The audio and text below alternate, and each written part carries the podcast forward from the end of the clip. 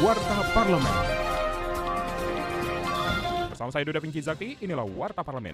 Wakil Ketua Komisi 1 DPR RI Abdul Haris Almasyari mempertanyakan kesiapan baik Kementerian Komunikasi dan Informasi atau Kominfo dan Lembaga Penyiaran Publik atau LPP TVRI dalam melaksanakan analog switch off atau ASO di Indonesia. Menurutnya hingga saat ini masih belum ada langkah jelas untuk menanggulangi masalah jika pengalian siaran analog ke digital dilakukan. Legislator DPR PKS ini meminta perencanaan kebijakan ASO diperhitungkan dengan matang.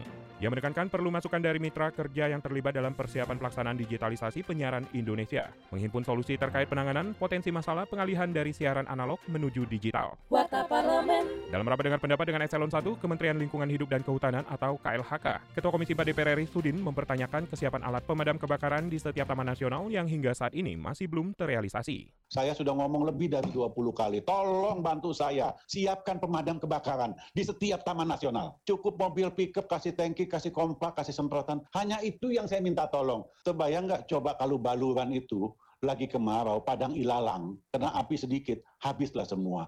Bromo, kalau lagi kemarau, semua rumput warna coklat. Itu masih dekat, ada Lumajang, ada Probolinggo yang punya pemadam. Lah, kalau di Pulau-Pulau Rinca, gimana pemadamnya?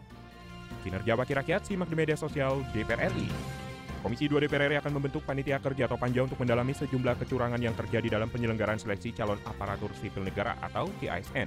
Hal ini disampaikan Wakil Ketua Komisi 2 DPR RI Lukman Hakim saat memimpin kunjungan kerja spesifik ke Provinsi Sulawesi Selatan. Politisi praksi PKB ini mengapresiasi Badan Kepegawaian Negara atau BKN Kantor Regional 4 Makassar yang telah menemukan kecurangan beserta bukti-buktinya dalam proses seleksi CASN tahun 2021.